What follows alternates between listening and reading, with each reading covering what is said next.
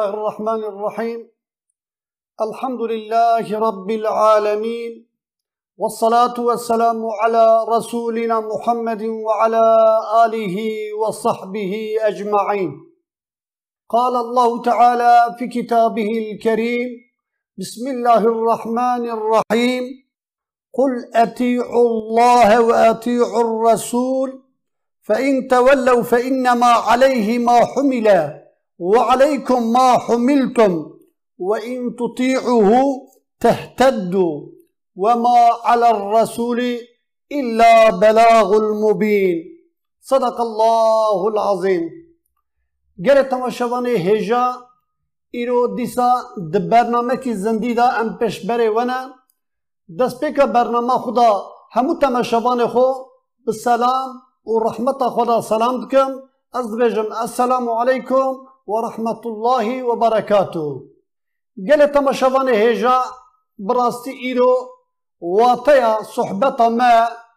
ببراي أم بحثا تيكليا دنابينا مسلمانا. دكن لي احتياج مسلمانو مسلمان غير مسلمة تيكليوان اي چوابن إيرو بنسا آياتا وان آیت کو وکرینه بنسا وان آیتا ایرو انشالله امی صحبته خو بورا دوام بکن دست پیکا برنامه دا اوی آیت کریمه که مخوان خدای تعالی عز و جل خطاب به حضرت پیغمبر علیه الصلاة والسلام راد که قل به ببجه اطیع الله وأطيعوا الرسول.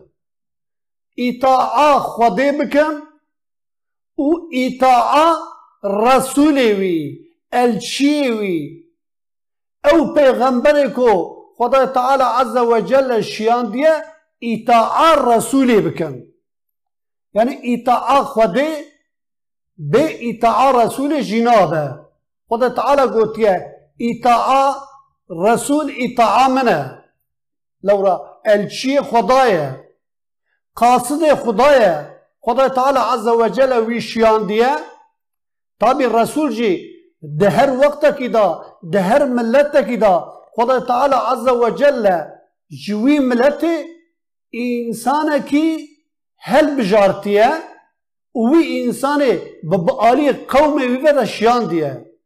وما ارسلنا من رسول الا بلسان قومه. یعنی هر قوم کی هر ملت کی زمان وی چبه ما رسول جی جوی قومه جوی ملته جوی زمانه مجوار شیان دیه. دبر دا وقتا کو خدا کو رسول شیان دیه بشیاندنا رسولان یان صحف یان زی کتاب جوان را شیان دیه.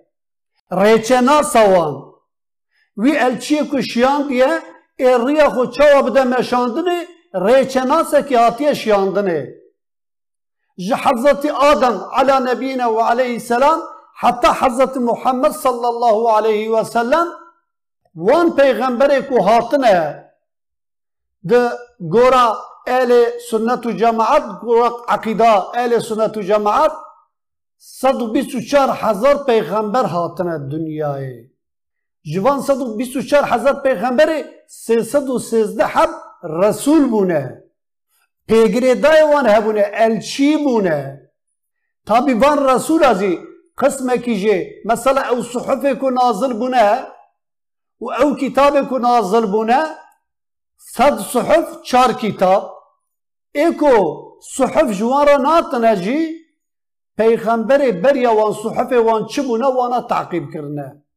ایکو کتاب جوارا ناتنه جی او کتاب کو بریا وان هاتنه وان پیغمبر احکام خو جوی کتابه گرتنه بله تماشاوانه ما دوام آیت دا که از دقت دکشینم لسر بیا کو خدای تعالی عز و جل گوتیه فإن تولوا تیجوان را بیجی کو اطاعا خدا بکن و اطاعا رسول خدا بکن فإن تولوا اگر کو پشت دانته يعني اوي تشتكو تاغو وقبول نكرا فإنما عليه ما حمل. أو تشتكو سروياتي حمل كرنة. يعني أو قبول كرنا ويا بشتهانا وي. إيوي جويرايا وعليكم ما حملتم. أو تشتك ودا سر بشتاخو بالتبليغ أو جي باري ويا. اگر كو اطاعة اي نص اوكا بيشي وقتا كو اطاعة نكر وبشتاخو دان و أو تشتكو بشتاناوي جزاوي بشتاناوي أو لسر بشتاوية.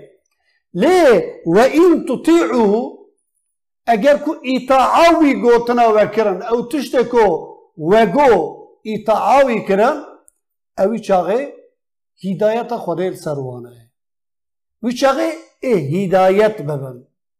وما على الرسول إلا البلاغ.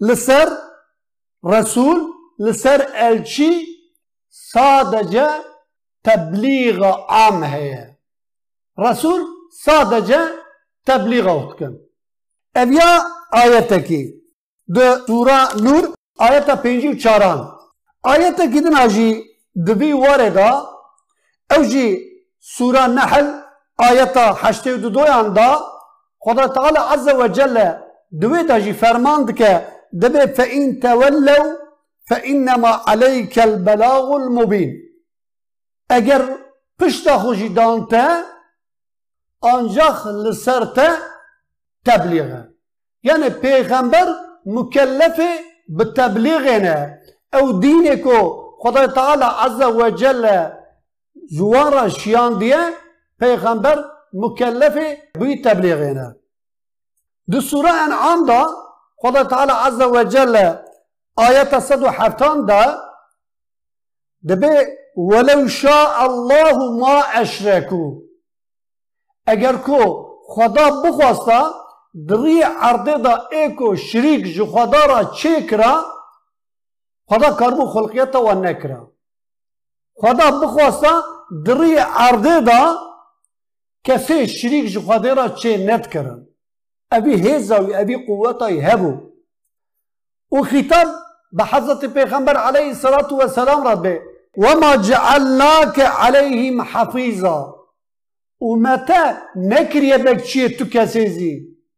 تو جبو حفظ کرنا جبو پاراستنا یکی رازی متى نشیان دیه وما انت عليهم بوكيل وتو وكيل تو کسی جنینی دوی آیت هاند آیت انعام داجی دوی داجی درسا کو ام وکری جی قرآن کریم دگرن خدای تعالی عز و جل حکمی وکریه أو حكمي تشيا ديسا تبلیغ کرنا پیغمبر علیه الصلاة والسلام و ديني وی أو عليه الصلاة والسلام پاراس توخی کسی نینه أو عليه الصلاة والسلام وکیل تو کسی جنینه گره أو أو دینی کو خدا جراشیان دیه تبلیغ که دو آیت که دنه دا ما ایده دا مائده آیتا شست و هفتان ده دیسا خطاب به حضرت پیغمبر علیه الصلاة والسلام راه دبي يا أيها الرسول يا أيها الرسول بلغ ما أنزل إليك من ربك يا رسول يا ألشي يا قاصد أو تشتكو ما نازل سر تکریه أو تشته کو جرب تا لسر تبیه بلغ وی تبلیغ بکه وی بلا بکه حکم آیته و این لم تفعل اگر کو توی تشته نکی أو تشته کو جخده نازل سر تبیه جترا برجر بیا وقتا کو توی تبلیغ نکی فما بلغت رسالته. ويشاغي ترسولتيا خو تتبليغ نكريه وكري دا آية كدنا. دا سورة هود. دا بيواردا دا سورة هود دا. دو آيتنا. يك انوتون نها يك زي صد حجدان دا.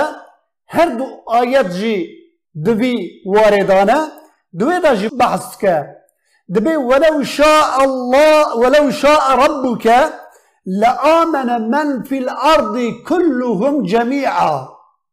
أجركو خدای تعالی بخواستا دری عرضه دا تمام أم بیجن ایکو مکلفم اینس دبن جن دبن إتبا باوری بخوده بانیا کو خوده بخواستا دوام آیت دا دبی أفأنت تكره الناس حتى يكونوا مؤمنين خطاب حضرت پیغمبر علیه الصلاة والسلام راه دبی او تشته کو تدبیجی و قبول ناکن پشتا خود دنا تو دچن قیت جوان اکراهی بکی. دبر دازی آیت وکری. ام فهم دکن کو؟ امر خدا به پیغمبر علیه الصلاة والسلام را تبلیغه پشت تبلیغه دبی اگر خدا بخواستا دری عرضه ده هر کسی ای باوری پی وانیا خطاب پیغمبر علیه الصلاة والسلام را دیسات بیجه کو اوان انسان کو وقتا کو باوری نانیجی تجوان نکرهینه. چمکی خدای تعالی عز و جل دبی دبی وگر با آلی موایا روژا قیامته او تشتی کو متپی شیان دیه تی بیجی کو قبول کرن هدایت کو قبول نکرن سه تشتی جزا کو ایجاب بکسه اوی جزای ancak em bedine wana. Di ayeta sedu hicdan de Sura Hud ayeta sedu hicdan de دوی دا خدای تعالی عز وجل دبي ولو شاء ربك لجعل الناس أمة واحدة اگر خدای تعالی عز وجل بخواستا انسان ری ارده اتخستا یک امت وانت زانن امت gelek şağı ümmette hene. Mesela her peygambere ki بوی پیغمبر به گریدای ام جوارا امد بیجن هر قوم دنا کو به هم دو به گریدای نه جوارا امد تی گوتنه. حتا عالم حیوان جی بشه حیوانا امت جوارا تی گوتنه. ایجا دبرد جی اگر کد به خدای تعالی عز و جل بخواستا جه آدم و حتی انسان دری عرضه دا آنا هنه کار بو خلقیت آن به یک امت خلقیت آن بکرانا. ولا يزالون مختلفين و کسی دخیلافا امر خدا دا کسی نکار بو بچانا تشتی قواتا کو خدا بخواستا کس مخالفی نچو. از بوارم بوان چند آیتا که مجوره ایزح کر ایرو صحبتا ما مقصودا ما جوان آیتا. ام شخوا چه درجه بگرن ام بیاد بیجن بله خدای تعالی خلقیتا مکریه دو هر وقتی دا پیغمبر شیان دیه ایمه پیغمبر ما داویه تمام پیغمبران Hz. Muhammed sallallahu aleyhi ve sellem peygamberi ku em bêjin navê wan du Zikirkirinê bîst û pênc peygamberê dawî Hz. Muhammed sallallahu aleyhi ve sellem Elhamdülillah em ji ümmeta wî ne. Em şükrê xweda dikin. Ya Rabbi evî baweriyê te kiriye nasîb ji bo me ra. Eger ku te hêz nedame تا خدای ما به من ندا ناس کرنه یا ربی بلکی ام شاشی دابا یا ربی دناوا آخه کی باورمند دا جده و باورمند. تمنان یا دنیای لجی کی دروای اسلام با. یا ربی بلکی مبی دین ناس نکرانا. لی انبیاء بیجن گره مسلمانا. وظیفه مسلمانا به تکلای مسلمانا. دناب هفدا تنه نینه. خدا تعالی خلقیت مکریه. جهر باوری انسان خلقیت وان کرنه. جهر رنگی خلقیت وان کریه. مثلا خدا تعالی عز وجل دوان آیت کو ما ایزح کرن. خدا تعالی عز وجل بخواستا تمام انسان ری عرضه بو یک باوری کار بو خلقیت وان بکرا. شبه متنه خدا تعالی عز وجل بخواستا تمام انسان ری عرضه به یک زمانه که خلقیت وان بکرا. قوت خدا جویره هیه. خدا تعالی عز وجل بخواستا همو انسان ری عرضه به یک رنگ یکی کاربو خلقیت وان بکرا. قوتا وی جره هیه. خدا تعالی عز وجل بخواستا تمام انسان ری عرضه به یک شکل کی کاربو خلقیت وان بکرا. نکریه. جویا درس همه تشتی که امی جه درس بگرن با خصوص مسلمان دوردا فراستا خو وکن ایکو وی دین قبول کرنه حقوق براتیا دین دنابا انسان دا چاوه هیه حقوق براتیا انسانیت جی هیه. پشت کو خداش پیغمبر علیه الصلاة والسلام را گوتیه ما متا نکریه بگچیه تو کسی؟ و متا جبو کسی را ما نکریه؟ وکیل جی. تی تبلیغات دیری خو بکی. کو قبول بکن امی وان هدایت بکن امی مکافات بدنا وانا کو قبول نکن دبی ایلینا مرجعوهم. وگر دبی با آلی مددایه.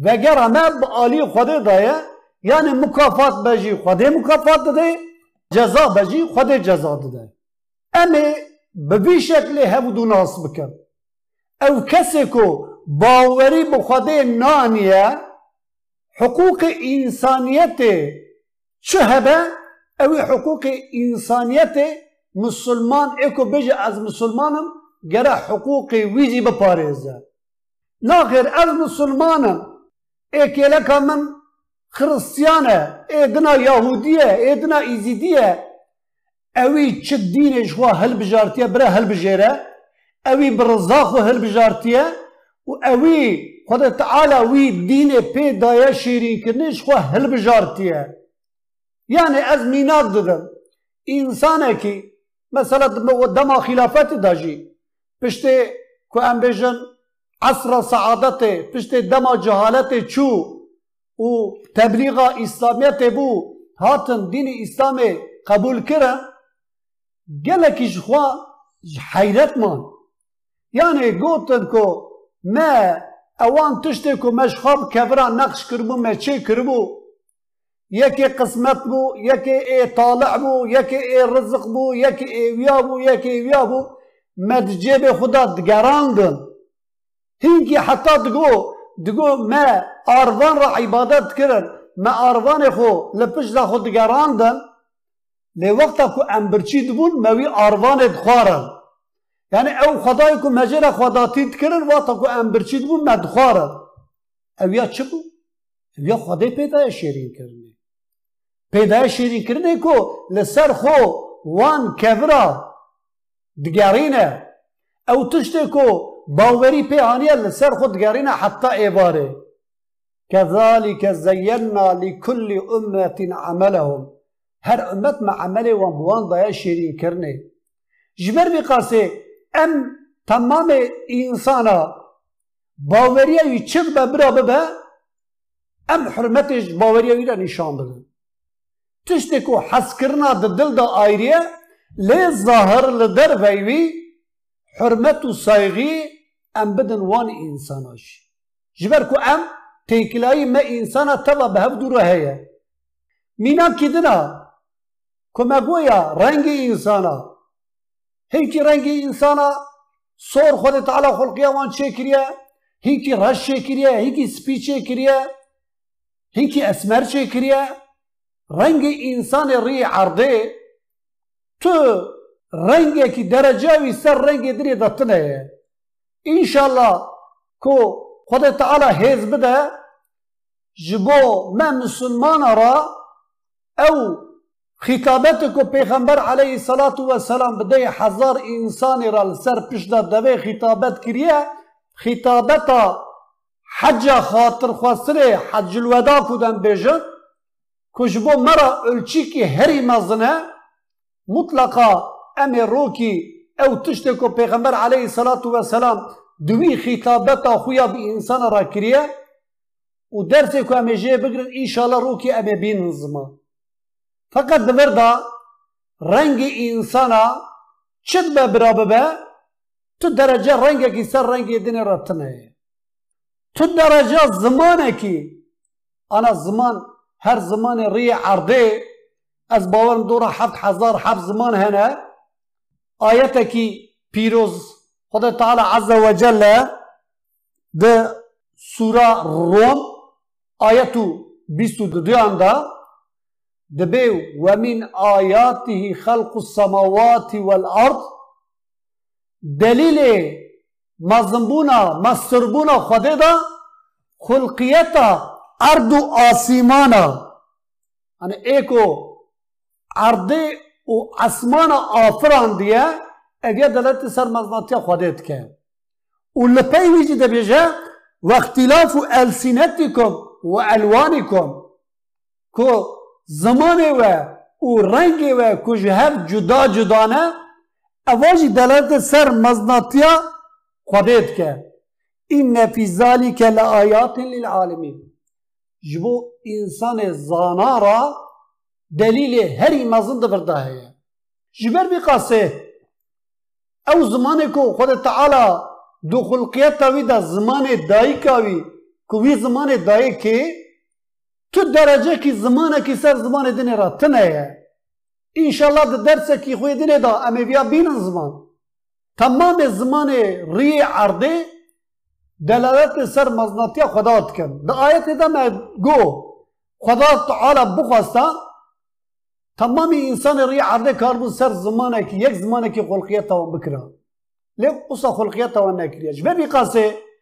هر زمان که ری ده دهیم، هم زمان مقدس هم زمان نعمتی که جدی هاتی دانش و سابی می‌ده.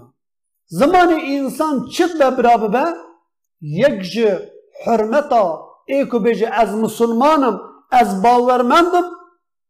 حرمت چاوه داده زمان خو بده زمان وی انسانش جی چاوه خود تعالی خلقیت ای کریه اگر زمان کی وی اقتدار هیا اوی انسان کو بلکی هیزاوی بلکی اختیار وی دنیاوی تنبه لی او بخشا وی نعمت کو دیاوی دایه که گره حرمت جبو وی زمان را وره کرنی ایرو مسلمان نه او گوتنا کو sadece ولا مسلمان بره مسلمان آیا بله مسلمان بره مسلمان آیا ده هر واری دا حقوقي وي حقوقي تشهبة إبري تي مسلمان جي حقي وي هي أو تشتكو تجخواد خوازي تحتى إيكو تدبيجي براي منه مسلمانة تجويرا نخوازي شخو مسلماني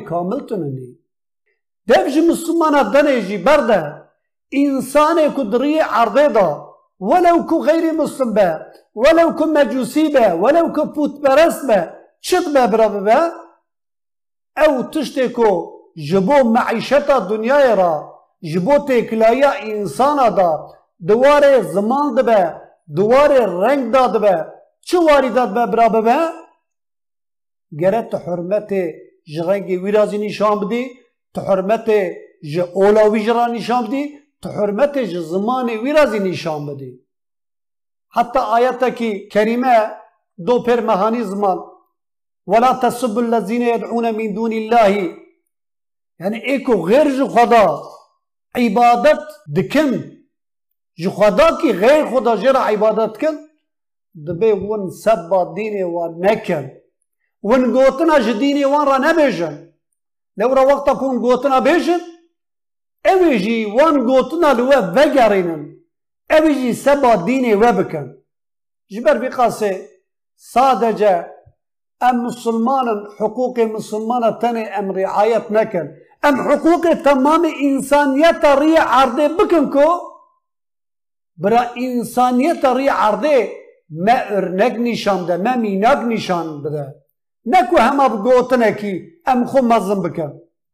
ام به حرکت خو به طور خوشی ام دین خو بلند بکن کو ای کو پیگرده به دین دنه بنا برا اوجی ممینا قبول بکن و وی دین قبول بکن بله تماشاوانه هجا براستی گلک گوتن هنکو بر بین زمان لیش برکو دماما دماکو جمرا حاتی قطاندنه او قاسایه ئەمێ ئیرۆژی خوازم د خاطر خو سره دا جاردی ام بێژم اللهم لك صمت وبك آمنت وعلى رزقك أفترت يا ربي ما روجيش اشتراقت يا ربي ما باوري بتهاني يا ربي أوي رزقك تدا إن شاء الله أم بفتره بكم أم دبجن جبو وتفرا عافيت ونوشي جانبه ود خواسنة دا امجاد بێژم السلام عليكم ورحمة الله وبركاته